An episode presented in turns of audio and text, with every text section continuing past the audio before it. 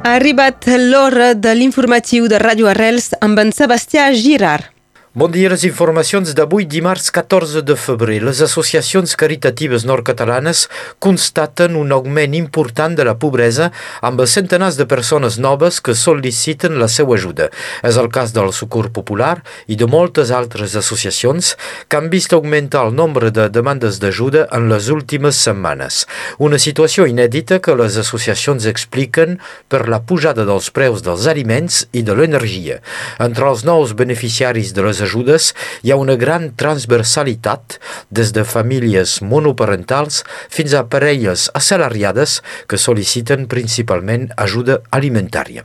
Era tot just fa un any, la nit del 14 de febrer, una explosió i un incendi matava vuit persones a Sant Llorenç de la Salanca.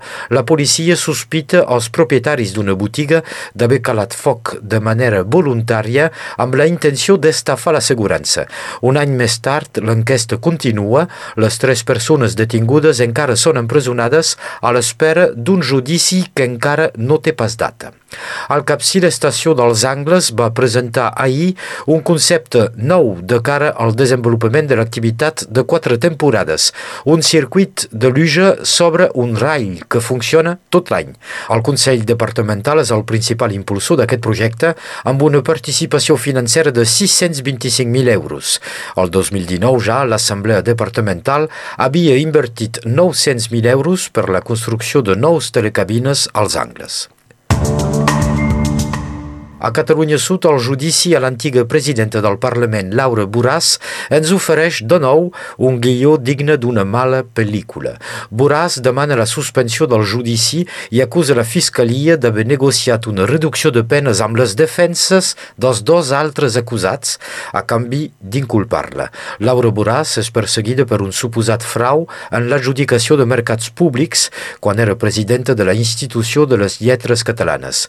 L'expresidenta del Parlament Parlament arrisca 6 anys de presó i 20 anys d'il·legibilitat un tercer policia infiltrat en moviments socials catalans, aquest cop a València. És una nova exclusiva del diari La Directa. L'agent infiltrat hauria participat en diverses accions de protesta de moviments antifeixistes per espiar-los des de dins. En prop de 3 anys, el policia hauria arribat a militar en tres col·lectius. Segons explica La Directa, hi hauria un lligam entre els tres agents infiltrats i es tractaria d'una operació coordinada pel Ministeri Ministeri de l'Interior per espiar l'activisme d'esquerres als països catalans. I acabem amb una informació misteriosa que ens ve d'Estats Units, on un tercer objecte volador no identificat ha estat abatut en apenas tres dies. Una onada d'ovnis que apareix en plena crisi dels suposats globus espies xinesos i sobre el qual les autoritats americanes van donar pocs detalls. Segons la premsa nord-americana, els objectes voladors abatuts tenien forma d'octàgon i volaven a una altitud de 6.000 metres.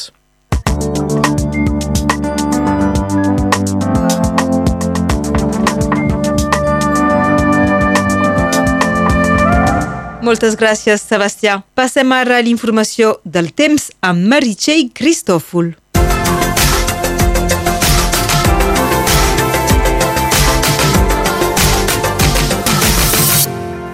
El vent és en lleuger augment. Aquesta tarda, a la plana del Rosselló, la tramuntana hauria de bufar a 20 km per hora.